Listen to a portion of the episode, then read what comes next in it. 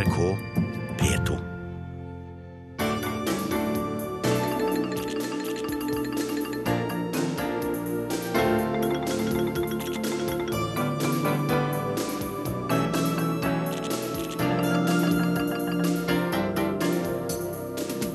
Nye israelske rakettangrep mot Gaza i natt. 16 mennesker drept.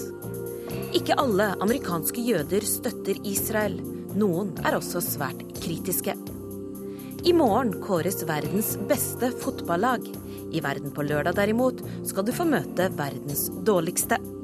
Stakkarene har den bortimot uslåelige rekorden for det største nederlaget i internasjonal fotball noensinne. 31-0 tapte de i en kamp mot Australia i 2001. Og i ukas korrespondentbrev fra Brussel skal vi høre at fotball-VM i Brasil også gir seiersrus til et lag som ble slått ut for ei uke siden.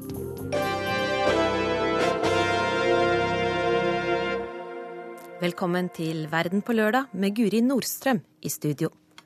Vi starter på Gaza, der over 120 mennesker er drept siden tirsdag. Også i natt var det nye israelske angrep. Kollega Sissel Wold har møtt en av innbyggerne i Gaza som flyttet tilbake etter flere år i USA for å bygge det nye Palestina etter Oslo-avtalen. Jeg ser det er et hvitt kors som flyr opp i lufta der. Rett opp. Ser du den? Vi har fått øye på en drone, og vil at også NRKs fotograf Gunnar Bratthammer skal se den. Vi sitter i en av Gazas bys mest fornemme strøk, i en vakker hage med skyggefulle trær. Eple-, sitrus- og oliventrær. Vaktmesteren holder høner i et bur. Men over oss dette lille hvite korset i himmelen som høres ut som en liten påhengsmotor. Leter denne dronen etter nye drapsmål, eller er den bare ute for å rekognosere? For å finne ut hvilke hus som skal tas ut ved neste angrep. you try to make the slightest contribution to to make things better. Uh, to do this is getting a lot more difficult. Sami Abdel Shafi hører til Gazas knøttlille overklasse. Abdel Shafi-familien har alltid spilt en fremtredende rolle i Gazas samfunnsliv og politikk. Sami begynte som forretningsrådgiver for bedrifter som skulle vokse i de optimistiske Oslo-årene. Men nå er næringslivet i Gaza helt dødt. Israels blokade hindrer fabrikker i å importere råvarer, og forretningsfolk i å eksportere sine produkter til Vestbredden. Under krigen i 2009 la den israelske hæren det meste av næringslivet i grus, og bombet også sementfabrikkene. Ettersom israelerne forbød innførsel av sement etterpå, ja, så var det ikke lett å bygge så mye opp igjen. Well, there aren't businesses anymore to give advice to, so I changed into political and economic consulting. The business cycle in Gaza is, is totally dead. Abdel Shafi bor i et stort, luksuriøst hus til Gaza å være. Hans liv står i sterk kontrast til livet i de trange flyktningleirene. Han kunne ha reist tilbake til USA, men har valgt å bli i Gaza. En liten klaustrofobisk kyststripe bak høye murer, der alt bare blir verre år for år. Som politisk analytiker har Sami Abdel Shafi følgende å si. Uh, of two earlier wars, and the root cause is the same. It is the political problems that uh, that are not actually getting enough attention uh, to be resolved. And I'm afraid that if we don't go back uh, to try to resolve these political issues, uh, uh, we may end up seeing another war, a fourth war in Gaza, in a, in a time that's not For krigene, denne er den tredje i Gaza på fem år, de fører ingen steds hen. Abdel Shafi, som jeg har kjent i sju-åtte år, og ofte intervjuet om politikkens skjeve gang her, snakker saktere enn vanlig i dag. Men så har han ikke sovet på tre netter, sier han, pga. alle angrepene som holder ham våken i mørket. De siste fire dagene har 100 palestinere mistet livet i israelske angrep. Det er ca. 25 om dagen. Mange kvinner og barn som aldri har skutt raketter mot Israel, er drept. På den israelske siden sparer ikke regjeringsmedlemmene på kruttet, verken verbalt eller militært. For nå skal angrepene trappes opp. Snakker du med israelere, får du ofte følelsen av at de tror Gaza er en eneste terroristleir og kan bombes sønder og sammen. Eller at menneskene der bak murene har samme verdi som skadedyr, som helst bør fjernes. Do you think that the Israelis look at the Palestinians as human beings? I hope so. I am sure there are many people in Israel who do regard Palestinians as human beings. Uh, what disappoints me is what I sometimes feel is the the, the propaganda that is so negative uh, that is given by Israeli officials to their people. Uh, so much so that it makes the Palestinian people as aliens in their eyes, in the eyes of the Israeli public. Jeg håper israelerne ser på oss som mennesker. I alle fall at det er grupper som ser på oss som menneskelige. For ellers har vi tapt. De siste ti årene har to generasjoner israelere og palestinere vokst opp som aldri har truffet hverandre over muren rundt Gaza. Det eneste de vet om hverandre, er at den andre angriper. I never agreed with, with, with, with the concept of launching Israel. Uh, it must be acknowledged, of course, that, that uh, uh, there's a great deal of disproportionality between, between the force and the damage that these uh, uh, rockets can cause as compared with uh, the, the very massive munitions that are used by the Israeli Air Force. but those details are not important to me. At Hamas og Islamsk jihad skyter raketter, er Sami Abdel Shafi helt imot. I am simply against the launching of rockets, period, because I'm against violence. Men du må se på grunnen til hvorfor noen blir så desperate at de skyter raketter, sier han. Uh, it is out of the sheer desperation uh, that, that people are driven into. There's a great sense of hopelessness in Gaza. And and, and I confidently argue that, that uh, Gaza was pushed way too far, and all of the Palestinians have been presented with, with, with a set of impossible conditions that they cannot deal with. And this creates a lot of uh, animosity, if you will, and frustration in the minds of ordinary people who are essentially civilized and educated and peaceful. USA har i underkant av sju millioner jøder, og av dem sier sju av ti at de har en følelsesmessig tilknytning til Israel. Det er sagt og skrevet mye om Israel-lobbyens store innflytelse på amerikanske politikere, men det er mindre kjent at en stor gruppe jøder i USA faktisk er kritisk til Israels politikk overfor palestinerne. USA-korrespondent Gro Holm har møtt en av dem. Rebecca Vilkomerson, Jewish Voice for Peace. Rebecca Wilcomerson er direktør for Jødisk stemme for fred, en i amerikansk sammenheng radikal organisasjon med 140 000 medlemmer. Vi sitter i en park på Manhattan i New York, men det er Israels bombing av Gaza som preger samtalen vår. Uh, det er helt forferdelig. Vi er ekstremt opprørte over angrepene på Gaza, sier Rebekka, en mørk, vever kvinne rundt 40. Hun har israelsk mann og israelske barn, men Israel må ta sin del av ansvaret for rakettangrepene fra Hamas, sier hun. Israel is the occupying power here. That Gaza, even when it's not being under attack as it is these days, is under siege. Israel er den okkuperende makt her, og Gaza er under beleiring. Folk kan ikke dra ut når de vil. De har ikke kontroll over sin egen økonomi eller over vann. De har enorme kloakkproblemer, ikke adgang til helse og utdanning som er nødvendig for å leve et normalt liv, og de er atskilt fra resten av Palestina, sier Rebekka.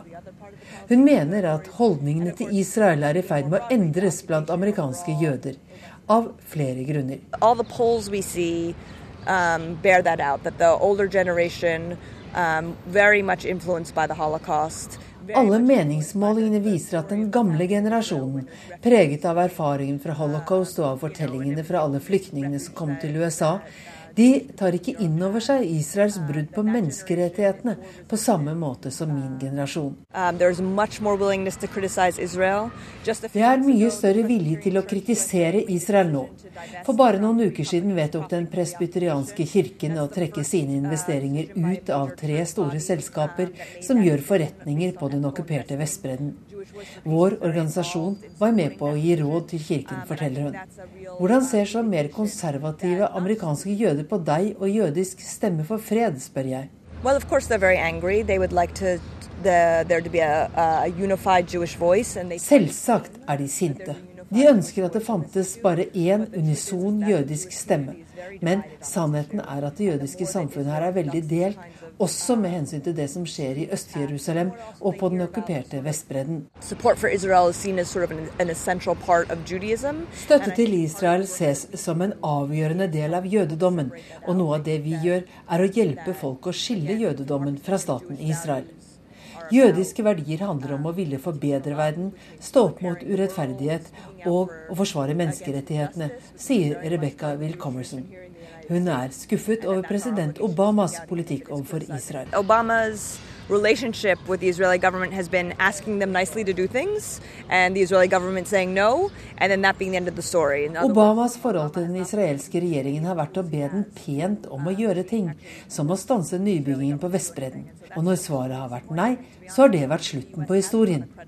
Han kunne f.eks. ha stanset militærhjelpen til Israel. Obama har ikke troverdighet lenger, mener Rebekka. En søramerikansk arbeider snekrer på et jødisk forsamlingshus i Midwood i Brooklyn, en halvtimes tur fra parken på Manhattan. Dette er sentrum for New Yorks ortodokse jøder.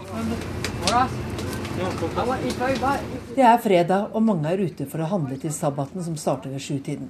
De fleste vil ikke snakke med meg, men til slutt klarer jeg å stanse en middelaldrende kvinne i klær som minner om 1930-tallet. And you are a Jew living I am a Orthodox Jew living in Brooklyn, New York. Frida tilhører den ortodokse minoriteten, men hennes ekstreme syn på Israels politikk i Gaza er nok tross alt nærmere flertallets enn det Rebekka og Jødisk stemme for fred står for. Jeg mener vi må be til Gud om at Israel lykkes. For fiendene rundt dem forsøker å ta over hele verden, ikke bare de landene de kjemper mot nå, som Israel. Folk i Gaza demonstrerer ikke at de trenger rettigheter i det hele tatt. De er bare aggressive og bomber oss. De tok jorda som ble gitt til dem, og bare rotet det til. Det var vakkert med hager og hus, men de bare klager og gjør ingenting, sier Frida.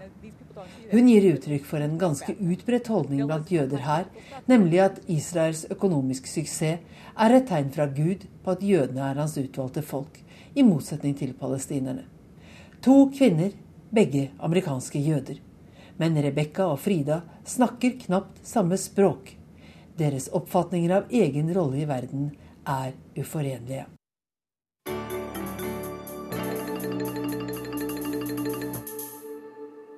Denne uka fylte Sør-Sudan tre år som eget land.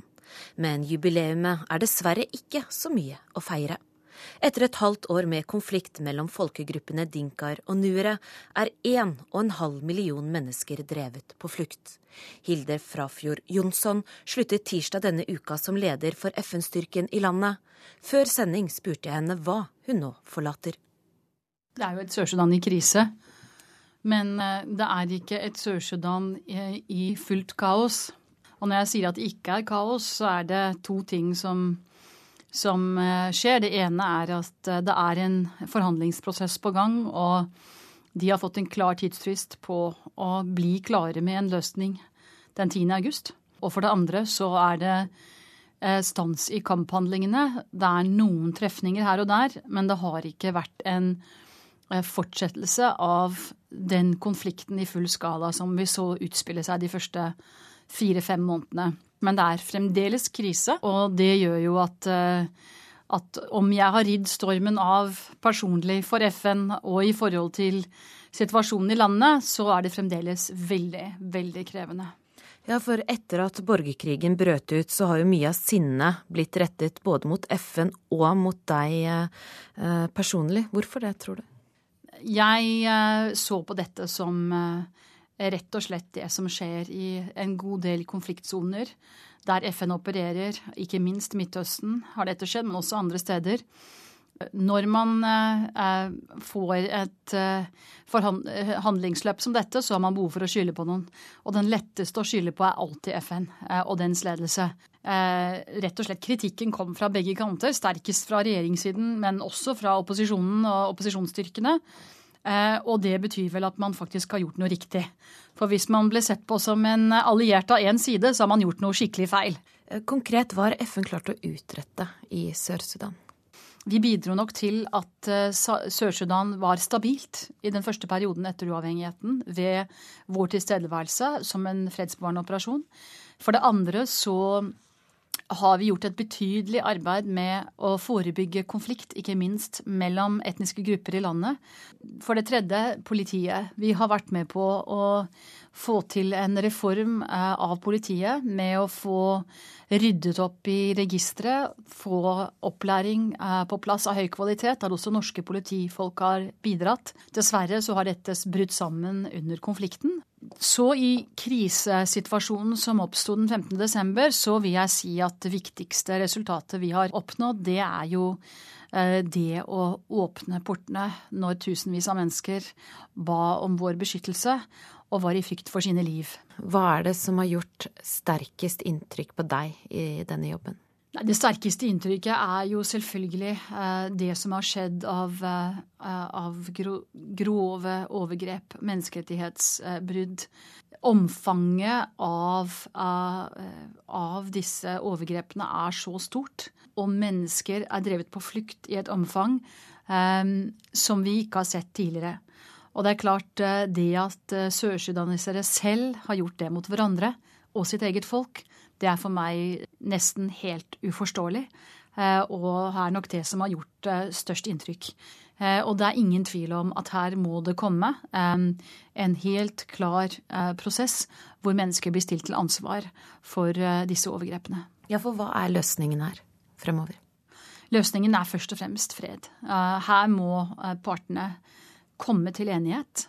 Og dette er nok den uh, største testen uh, lederskapet i SPLM, i uh, ledelsen av, av, landet, står overfor. Enten man befinner seg i bushen med Riek Mashar og hans opposisjonsstyrker, eller man befinner seg i Addis eller Nairobi og har vært i arrest, som noen ledere har vært, eller man hører til Salwa Kiir og presidentens fraksjon i partiet.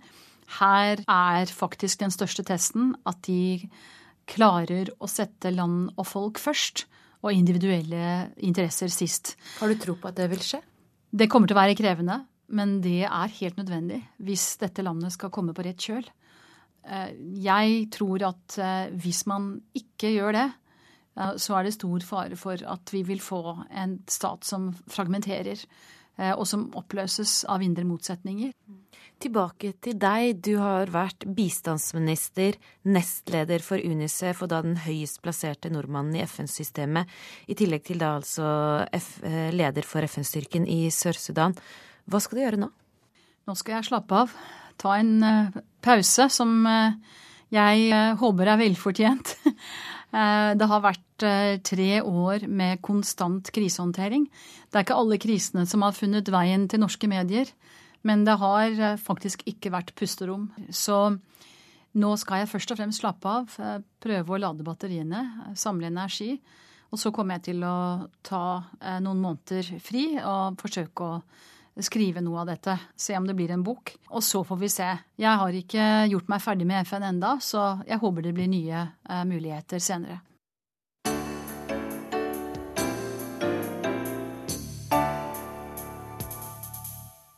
Det er ikke bare Hilde Frafjord Jonsson som slutter i jobben sin. Denne uka ble det kjent at vår Moskva-korrespondent gjennom ikke mindre enn 18 år gjør det samme. En mann som mildt sagt mange mener noe om. Her er et lite knippe av tidligere og nåværende toppolitikere fra NRK-programmet Litt av et liv. Han er jo en av Norges absolutt mest kunnskapsrike journalister, så man tar ikke lett på et møte med Hans-Wilhelm. Du vet aldri hvilken russisk historie du får med eh, som en del av det spørsmålet som kommer. Brumlebassen, som jeg kaller han, han snakker jo med alltid høy stemme og er dominerende når han står sammen med alle andre mennesker. Da elsker jo han å være midtpunktet, og det sørger han alltid for å bli. Han er vanskeligere å bløffe, fordi han kan så mye. han ble invitert til Dagsnytt 18 en fredag ettermiddag, så kunne du være sikker på at Hans Wilhelm mente så mye sjøl. Og hadde så mye på hjertet i, når han stilte spørsmålene. Du slapp jo stort sett ikke til. Kjære Hans Wilhelm. Det er alltid en stor opplevelse å bli intervjuet av deg. Engasjert til stede, med gode historier, vanskelige spørsmål og mye kunnskap. Ja, kollega Hans-Wilhelm Steinfeld. Eh, du har aldri selv eh, vært fristet til å bli politiker? Vet du, Jeg har alltid vært imponert over nordmenn som orker den dugnaden det er å bli politiker i Norge. Men etter 18 år her i Moskva, så er nok mitt syn på politikk og politikere preget av forholdene her i Russland. Og da er svaret nei, med tanke på hvordan det fungerer her. Når det gjelder politikk og politikere i Russland, forholder jeg meg til dem som en overarbeidet gynekolog forholder seg til nakne kvinner i arbeidstiden. Det er ikke lyst betont i utgangspunktet, men du vet det er nødvendig. men du går altså nå til kommunikasjonsbransjen, som vi i massemedia jo har et ganske kritisk eh, syn på? Jeg syns at massemedia skal feie for sin egen etiske dør. Og tar du en tur inn Pressens faglige utvalg, så får du nok eh, høre hvorfor journalister nyter samme tillit som drosjesjåfører i Norge. Ikke et ondt ord sagt om drosjesjåførene. Jeg er mer kritisk til journalistyrket. Hvorfor slutter du egentlig i NRK? NRK hadde lagt et løp fra høsten eh, som gjorde at jeg med min utenrikskompetanse følte meg etter 18 år i utlandet som en båt i langfart som ikke helt klarte å klappe til kai eh, ved NRK.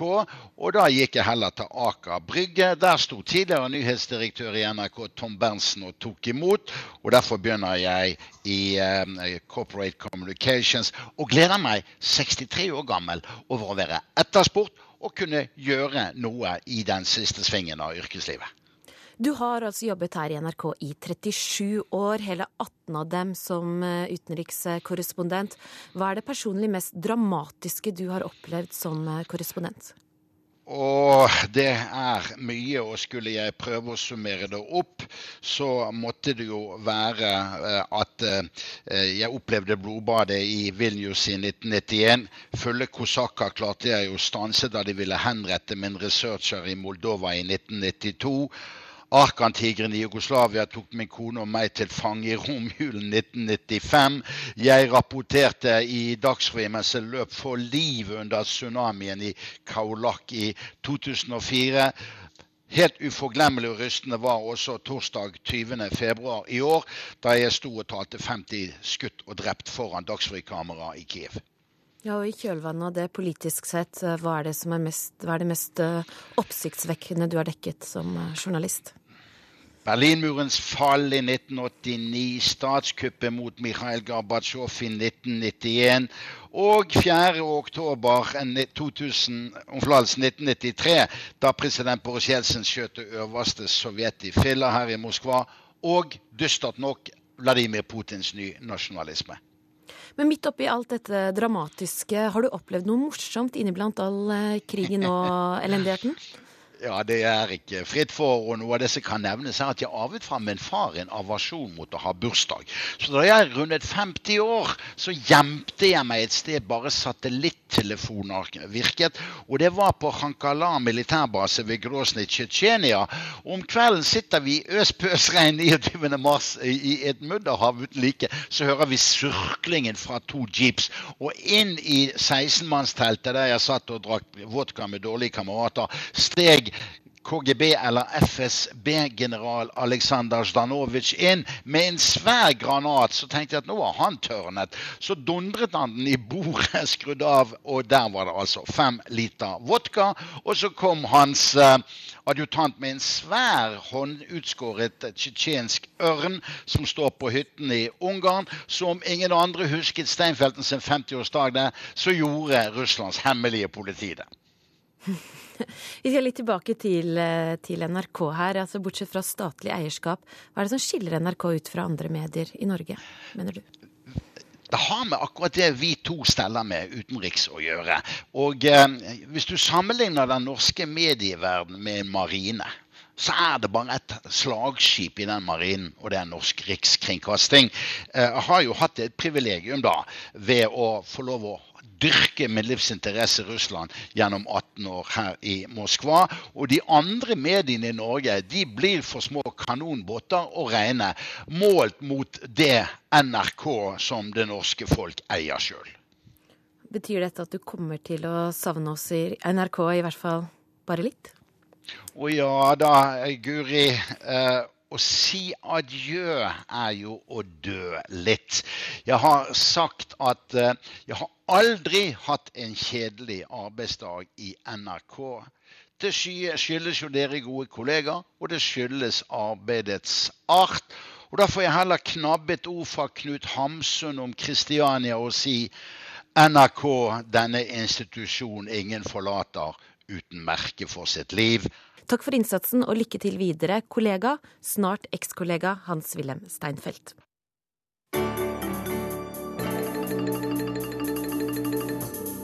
Du lytter til Verden på lørdag, og klokken er snart 11.30.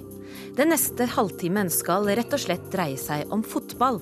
For fotball er ikke bare underholdning, det er også storpolitikk.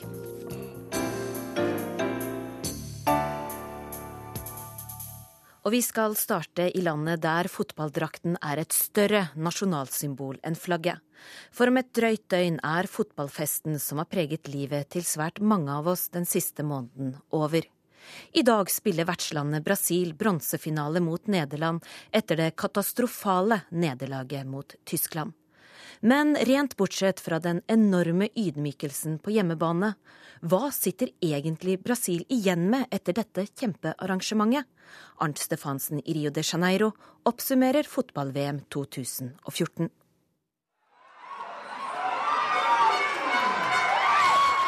Fortsatt er det dette som preger Brasil. Katastrofen tirsdag kveld da fotballens supermakt ble rundspilt og latterliggjort av Tyskland og tapte hele 7-1. Det største nederlag i Brasils fotballhistorie. Dette er noe svineri. Brasil ble slått i støvlene, sier Eloisa Fernandes, som har sett kampen på en fotballkafé her i Rio de Janeiro. Brasil er bare dritt. Vi får ikke til noe i dette landet. Skolene er elendige, helsevesenet er en katastrofe, og nå klarer vi ikke engang å spille fotball. Jeg skammer meg over landet mitt, sier hun rasende. Og mens fortvilte brasilianere prøver å fordøye nederlaget, er det et annet spørsmål som nå reiser seg. Hva har landet Brasil og dets innbyggere egentlig fått ut av den rådyre festen? Med en prislapp på nærmere 70 milliarder kroner er VM i Brasil det klart dyreste i fotballens historie.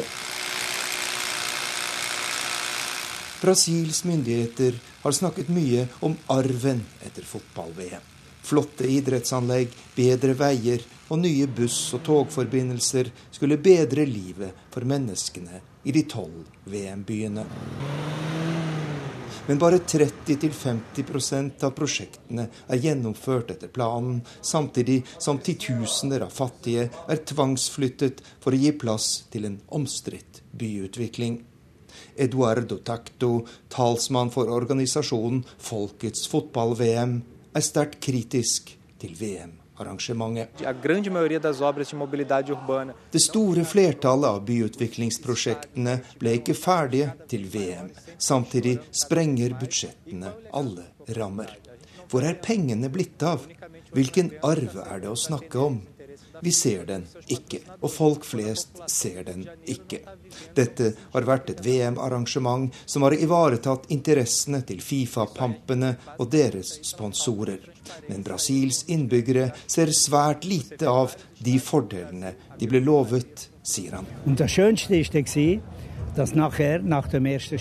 Fifas president Sepp Blatter i et intervju på sveitsisk TV. Han får ingen kritiske spørsmål, og han forteller hvor fornøyd han er med mesterskapet. VM i Brasil har slått alle rekorder i TV-titting, og for Fifa og store sponsorer som Coca-Cola, Sony og Visa er mesterskapet det mest innbringende og vellykkede i historien. Og når VM er slutt, blir Fifas lokale Brasil-komité oppløst, slik at ingen kan stilles til ansvar for mulig korrupsjon under mesterskapet.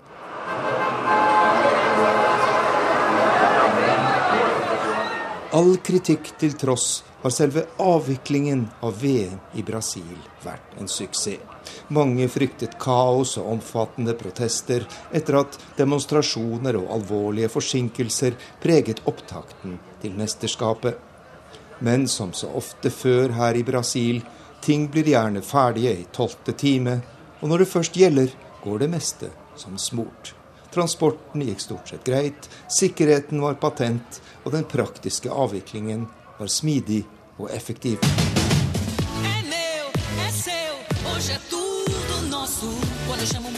I morgen er VM-festen over, og hundretusener av utlendinger forlater Brasil. For vertskapet er det store spørsmålet var det verdt prisen. Mange mener nei, og kritikerne hevder at Brasil-VM blir husket som et typisk BRICS-arrangement. BRICS står for Brasil, Russland, India, Kina og Sør-Afrika. Og disse raskt voksende industrilandene har det siste tiåret holdt de fleste av verdens største idrettsarrangementer. Disse landene arrangerer OL og VM for å imponere verden, sier den kjente Fifa-kritikeren Christopher Gaffney. Well, it's a business model that's an extractive model, and so we have countries like Brazil, like South Dette er en forretningsmodell som er basert på utsuging av arrangørlandet. Land som Brasil, Sør-Afrika og Russland har lite utviklet infrastruktur, og de godtar at Fifa og IOC får bestemme, fordi slike mesterskap bringer inn mye penger og virksomhet. Men de anleggene som bygges, gir i første rekke inntekter for landets elite. De utløser omfattende korrupsjon, og når VM er over, har de liten verdi for vanlige folk, sier Fifa-kritikeren Christopher Gaffney her i Rio de Janeiro. Og mange mener kanskje at idrettsarrangement som fotball-VM får for stor plass i mediene og fortrenger andre og viktigere nyheter. Men det mener ikke kollega Joar Hoel Larsen. Ifølge ham er fotball altfor viktig til å bli henvist kun til sportssidene.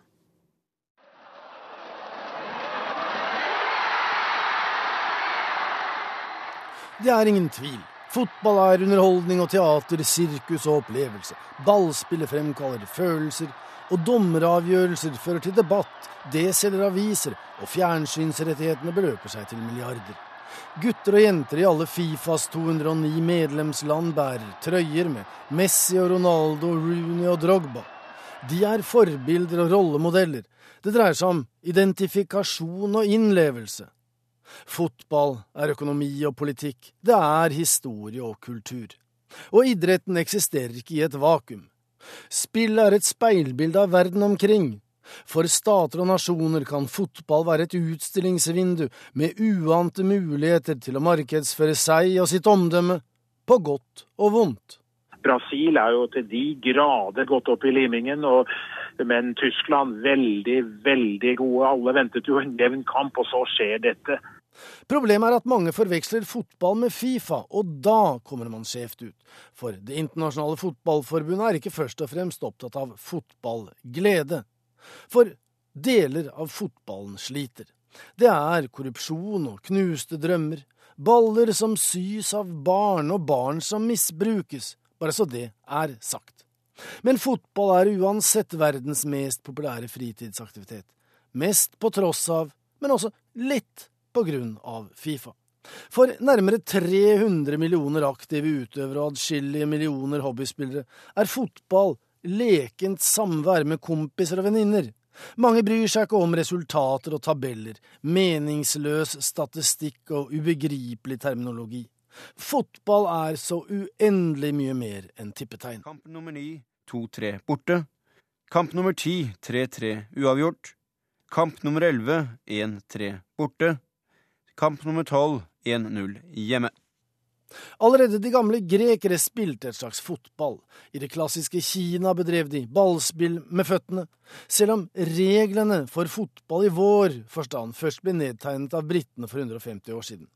Og den moderne fotballens vokabular er fremdeles preget av begynnelsen på de strenge kostskolene med halvmilitær disiplin i det britiske imperiet. Det er snakk om angrep og forsvar. Spillernes leder har militær grad og kalles kaptein. Og han som forvalter regelverket, dommeren, har utvidede og udemokratiske fullmakter. Han er først etterforsker, så påtalemyndighet, og til slutt dommer som både avgjør skyldspørsmål og straffeutmåling, i én og samme person. Messi skyter gjennom mål og rett i armene på Sillesen. En god spiss er et angrepsvåpen, som skyter. Er det hardt nok, heter det kanonskudd. Det er åpenbart ikke pasifister som står bak. Brasil 0, Alemania 5, Marco Godin! Brasil ble slått ut. Argentina er i finalen. Naboland, men forskjellige. Hvorfor er det ene spansktallet mens de snakker portugisisk i det andre? Forklaringen ligger i Vatikanet og heter Tordesias-avtalen fra 1498, da paven meklet mellom Spania og Portugal om grenser, rettigheter og innflytelsessfærer i den nye verden.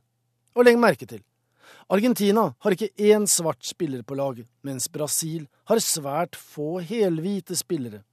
Det sier mye om oppdagelsesreiser og immigrasjon, men også om jordsmonn og landbruk om eksportprodukter i kolonitiden, om slavetransport og produksjonsvilkår. Sukker og kaffe var mer arbeidsintensivt enn ull og biff. Argentina trengte gjetere på Pampasen. Brasil trengte plukkere på plantasjene. Det har formet landene, og landslaget er et speilbilde av landet.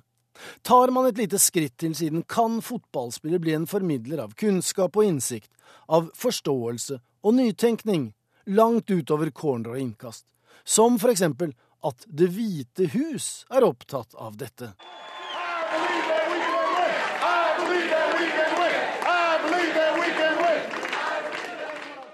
I et land der vi alle er født inn i den sosialdemokratiske velferdsstaten, med sosiale sikkerhetsnett livet igjennom, med kommunale fritidsklubber og gjennomorganisert barne- og ungdomsidrett, kan vi lære mye av for eksempel James Rodriguez, Colombias nye stjerne. Oppvokst i en stor barneflokk i trange kår i et land der fotballen var kontrollert av kokainkartellene da han var liten. Narkobanditter skal ha vært involvert og vært bakmenn i hans første klubbbytter. I dag er han som fotballspiller verdt 300 millioner kroner, et forbilde uansett målestokk. Og selv om hans historie er spesiell, så er det mange, også i verdensmesterskapet i fotball, som har kommet seg ut av elendighet og fattigdom av fotballen. James Rodriguez for eh, Colombia! Han eh, kan dirigere, han kan slå pasninger, og jammen i meg kan han ikke heade inn også. Da jeg reiste til Argentina som NRKs Latin-Amerika-korrespondent i 2002, ble min 13-årige datter avkrevd tre svar første skoledag.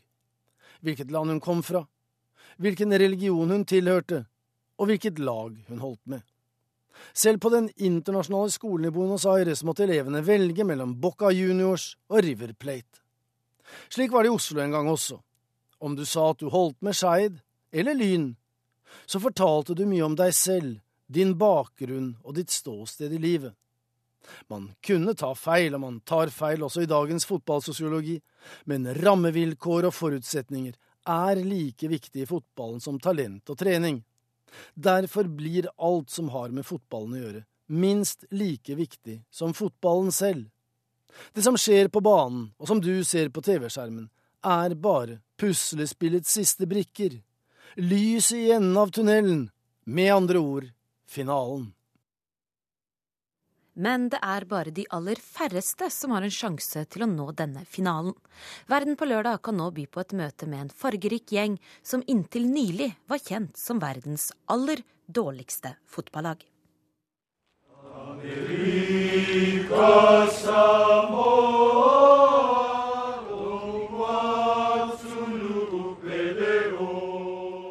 ikke kjenner igjen denne sangen, er du tilgitt. Det er nasjonalsangen til amerikansk Samoa. Og om du ikke har hørt om amerikansk Samoa heller, så er det noen ganske få, ganske sjølstyrte øyer langt sør i Stillehavet et sted.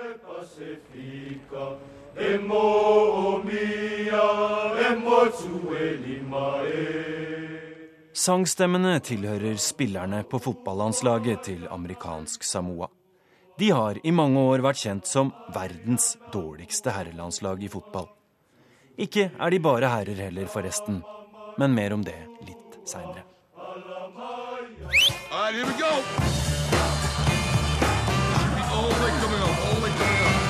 Knees up, knees up. Come on, 50, come on, 50, baby, come on! 203 land på seks kontinenter gjorde et helhjerta forsøk på å komme seg til fotball-VM i Brasil i sommer.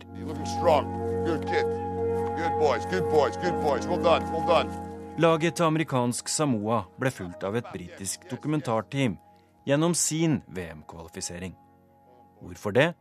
Jo, fordi stakkarene har den bortimot uslåelige rekorden for det største nederlaget i internasjonal fotball noensinne. 31-0 tapte de i en kamp mot Australia i 2001. Nikki Salapo sto i mål da, og han står i mål fortsatt.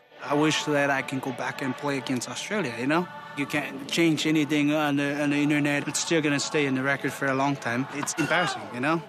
I was there when Australia beat us 30 0. 30, I think 30 or 31, I'm not, but I know it was 30.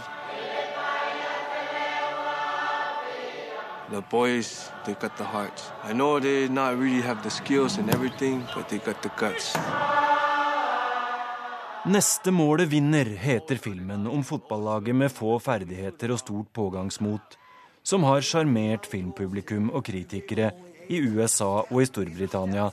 It's really, really moving and really charming. Yes, and I'm not, but you're not ashamed to say that because I think most people who watch it will at some point find themselves wiping away a tear. But as I said, the stranger thing for me was there was a moment when I punched the air and I thought, what am I doing? That I don't punch the air. Jeg gråt underveis. På et tidspunkt tok jeg meg i å slå neven i lufta i triumf. Og jeg er ikke engang interessert i fotball, sier Observer-kritiker Mark Kermode forundra.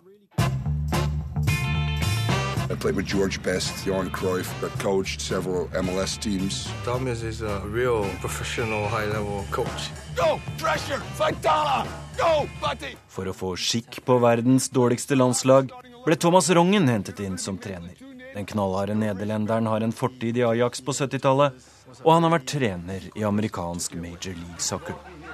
Red card! Soccer become cynical in big business. And, and I don't want this to happen here. These guys play because they love the game. They get zero. You know. Fotball er blitt kynisk business, men disse gutta får ingenting ut av det. Og de spiller bare fordi de elsker sporten, sier Thomas Rongen. Men møtet med gutta i landslagstroppen bød på minst én solid overraskelse for machomannen av en trener. Johnny, you gotta step up right. Johnny, coaches right here, watch it, watch it. call me Johnny because um, it's what's on the list. It's what they see. Sometimes when they call me on the field, and I'm like, I don't hear it because I'm so used to Jaya, Jaya, Jaya. Because the team calls me Jaya, and it's what I'm comfortable hearing. Amerikansk Samoa har nemlig verdens eneste transseksuelle landslagsspiller i fotball. Johnny Salua, eller Jaya som hun foretrekker å bli kalt. Hun kler seg som en dame, men takler som en mann. Og spiller for sikkerhets skyld midtstopper. Great job, Johnny! Jaya! Jaya is different from all of us. We, we just accept her as she is, and I'll just respect her as a as a sister. Whatever happens to her, I'll protect her. I'll be there for her. Off the field, people see me, you know, I walk feminine, I do feminine things. Even when I walk onto the field, I wave to the crowd and you know all this diva stuff. But then as soon as the whistle blows like i turn all of that off and i try to prove to the people that i can play you know and i'm not just seen as a joke at, on the team. I'm just a soccer player. Even though i run like a girl on the field i'm not a male or a female i'm a soccer player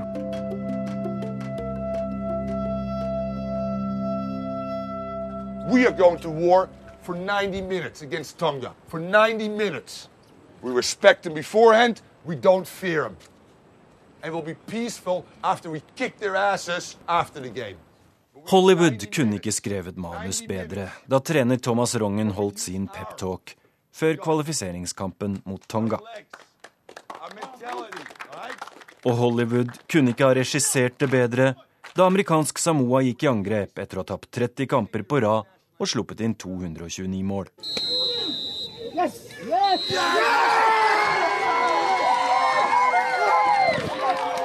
Ikke bare skårte de mål for første gang. Da fløyta gikk etter 90 minutter, hadde amerikansk Samoa slått Tonga 2-1. Og prisen for banens beste spiller, man of the match, hvem andre kunne det bli enn transpersonen Jaya? And I feel great. I feel proud of myself. I feel accomplished. I don't know. It just feels normal. Alle elsker vi historien der en taper snur nederlag til seier mot alle odds. I dette verdensmesterskapet er det trolig ingen større taper eller større seierherre enn nettopp amerikansk Samoa. American Samoa Warriors, show me how to fight. I'll show you how to win. Come on!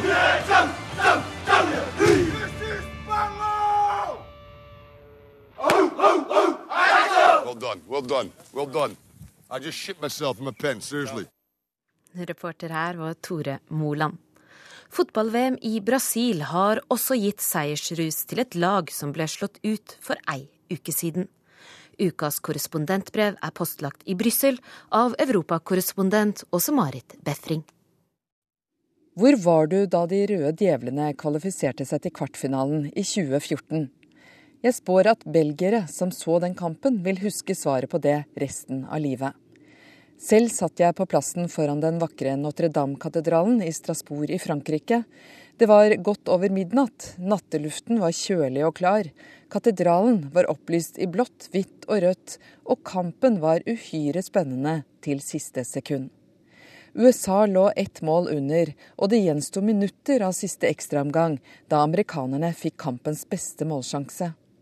To spillere var alene med keeper, men han reddet. Idet dommeren blåste av kampen, var vi et forent Europa av spanjoler, svensker, franskmenn og nordmann som jublet. USA var slått ut av VM, og Belgia var videre. Det er tre ting som holder Belgia sammen. Kongehuset, øl og fotballandslaget, hørte jeg da jeg flyttet hit for ett år siden. Etter å ha bodd her en stund, er jeg usikker på i hvilken grad monarkiet forener landet. Ølsorter er det mange av, men når det gjelder fotball, er det bare ett lag som gjelder de røde djevlene. Sjelden har vel belgiere vært mer stolte over å være nettopp belgiere enn under dette VM-et. I et land der nasjonalsangen synges på tre offisielle språk, tysk, fransk og nederlandsk, og der mottoet 'L'union fait la force', unionen gjør sterk, stadig oftere endres til 'l'union fait la farce', unionen er en vits, så har fotballandslaget nærmest blitt et surrealistisk lim som binder dem sammen. Folk fra Flandern og Wallonia snakker ikke om, kjenner ikke til og hyller ikke de samme kjendisene og stjernene, med unntak av nettopp fotballandslaget. De har derfor dyrket noe så sjelden som en nasjonalfølelse i disse dager i Belgia. De røde djevlene, eller Le Diable Rouge, Råde Deifels eller Råte Teufel, beklager uttalen, er altså kallenavnet på det yngste landslaget som kvalifiserte seg til fotball-VM i Brasil. De var the underdogs og like sammensatt som landet selv, med spillere fra det fransktalende Wallonia, nederlandsktalende Flandern og flere med innvandrerbakgrunn, bl.a. fra den tidligere kolonien i Afrika. Spissen, Christian Bentek, er født i Den demokratiske republikken Kongo f.eks., der også kapteinen på laget, Vincent Compagnie, har røtter gjennom sin kongolesiske far. Det er et stjernelag der alle til vanlig spiller i klubber i de store europeiske ligaene. Jeg er ikke noen fotballfan. For å være ærlig er jeg av dem som ikke forstår at en kamp er viktig å få med seg. Men under dette VM-et kan jeg nesten kalle meg selv en fotballidiot, og det belgiske landslaget har skylda. Da de røde djevlene møtte Algerie i gruppespillet, sto husbonden og jeg i en overfylt pub med belgiske flagg og bannere i taket. Folk hadde kledd seg opp i krusete parykker og djevelhorn i rødt, svart og gult, de hadde skjerf i trikoloren rundt halsen og var malt i ansiktet. Servitørene gikk i ditto røde minikjoler med hawaiikranser i nasjonalfargene. Stemningen var mildt sagt elektrisk. Puben hadde investert i en gedigen storskjerm ved siden av alle de andre ganske store TV-skjermene som hang på veggene. Alle var klare for målfest. Men det skulle bli Algerie som skåret det første. En algerier i baren jublet og fikk uønsket mye oppmerksomhet. Så utlignet djevlene, og jubelen sto i taket. Folk danset, blåste i hornene, ropte og sang. De var fulle av håp, og sikkert også av flere glass belgisk øl. Ti minutter etter var festen fullkommen. Belgia skåret sitt andre mål. Heltene hadde innfridd igjen. Det er langt fra Brasils fotballarenaer til Belgia, men det føltes ikke slik etter at de hadde vært i ilden. Gatene fyltes av tutende biler, folk hang ut av vinduene i husene og veivet med flagg. Den elleville jubelrusen la seg ikke før langt på natt, en nasjonalfølelse på tvers av regionene. Mottoet til landslaget var da også Tos ensemble, alle sammen. Alle er med, og alle står sammen. Det føltes nytt. Det er ikke lenge siden at de arrangerte separate pressekonferanser med de fransktalende og nederlandsktalende landslagsspillerne etter hver kamp. Da Belgia gikk videre fra kvalifiseringen med ni poeng av ni mulige, var hysteriet fullkomment. Stemningen ble ikke mindre ekstatisk da de slo USA i åttendedelsfinalen. For første gang siden VM i 1986 hadde Belgia klart å kvalifisere seg til kvartfinalen. Men veien dit har vært lang og vanskelig. Det var ikke noe stjernelag som gikk ut på banen for bare få år siden. Noen sier at det var EM på hjemmebane og i Nederland i år 2000 som var oppvåkningen. De ble ydmyket da det ble slått ut allerede i gruppespillet. Selv om det var noen lyspunkter under VM to år senere, da de røk ut i åttendedelsfinalen, gikk de systematisk til verks for å finne ut hvordan de kunne bli like gode som de aller beste. De la alle de kloke fotballhodene sammen og laget en langsiktig plan, en slags fotballbibel, der man ble enige om å drive angrepsfotball, og fikk alle ungdommer til å trene likt over hele landet, på tvers av regioner og språkgrenser. De vedtok at å vinne for enhver pris i barneårene var overvurdert. Det gjaldt å tenke bredde og la småguttene bli kjent med ballen først. For juniorer ble det til og med kampfri på søndager, for at de skulle få ta seg en fest i helgene sammen med de andre ungdommene. Det er tross alt ølnasjonen Belgia vi snakker om her, der det er 16-årsgrense på utesteder, og der toppserien er oppkalt etter det største ølmerket, Jupiler Pro League. Det tok flere år å overbevise ivrige barne- og ungdomstrenere om at det var lurt å tenke langsiktig. Men i 2007 betalte det seg. I ungdomsmesterskapet under 17 år ble Belgia for første gang i historien blant de fire beste. Da jeg kom hit, var det de unge, lovende fotballspillerne alle snakket om. Den gylne generasjon. Folk var fulle av forhåpninger foran VM. Det var også landets politikere. Det vil si, de var litt splittet der også. Det heter seg at man ikke skal blande fotball og politikk, men det er jo fristende å være på et vinnerlag, og akkurat nå finner du ikke så mange av dem i politikken her i Belgia. Siden mai har de forhandlet for å få på plass en regjering etter valget. Ingen regner med at den kommer i havn med det første. Forrige gang tok det hele 541 dager. Aldri tidligere har noe land vært så lenge uten regjering. I Belgia har de et komplisert valgsystem som gjør at halvparten av nasjonen ikke kan stemme på halvparten av partiene. Går du til valgurnene i Valonia, kan du ikke stemme på Ny flamsk allianse, NVA f.eks., som er det største partiet i Flandern. Og i Flandern kan du ikke stemme på det sosialdemokratiske partiet Sosialistene i Vallonia. Så jeg kunne ikke ha stemt på min statsminister Elio Di Rupo om jeg så ville, forklarte min fotograf meg det før valget. Etter valget må altså partiene på alle sider av språkgrensen, det er tre av dem i dette landet, forhandle for å få på plass en nasjonal regjering. Forrige gang ble ikke det største partiet i Flandern med i regjeringen i det hele tatt. I stedet ble det en storkoalisjon der Vallonias sosialistene fikk statsministeren. Lederen for det partiet og landets fortsatt regjerende statsminister Elio de Ropo er blant dem som ønsker å sole seg i glansen av landslaget, nasjonens stolthet.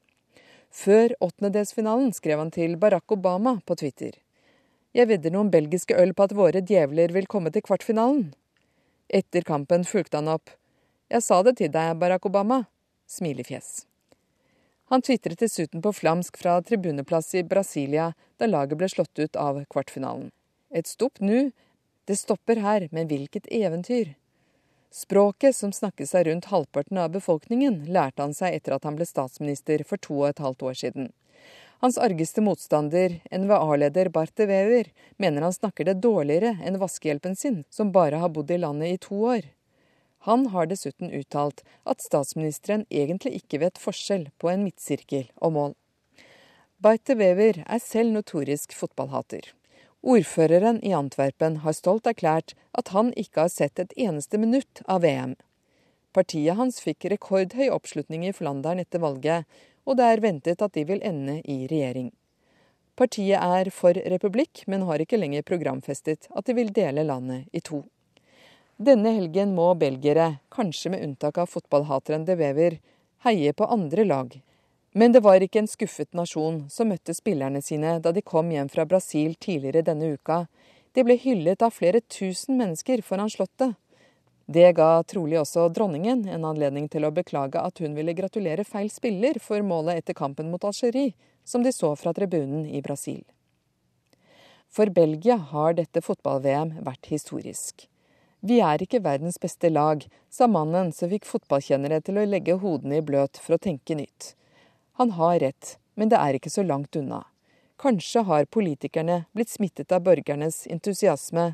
Kanskje har landslaget plantet en idé hos noen av dem, at ved å stå sammen kan de få belgiere til å føle ikke at de er vallonere eller flamlendere, men rett og slett belgiske. TOS Ensemble.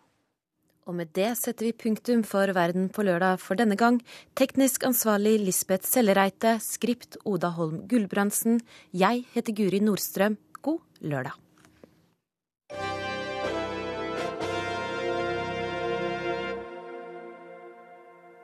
Hør flere podkaster på nrk.no podkast.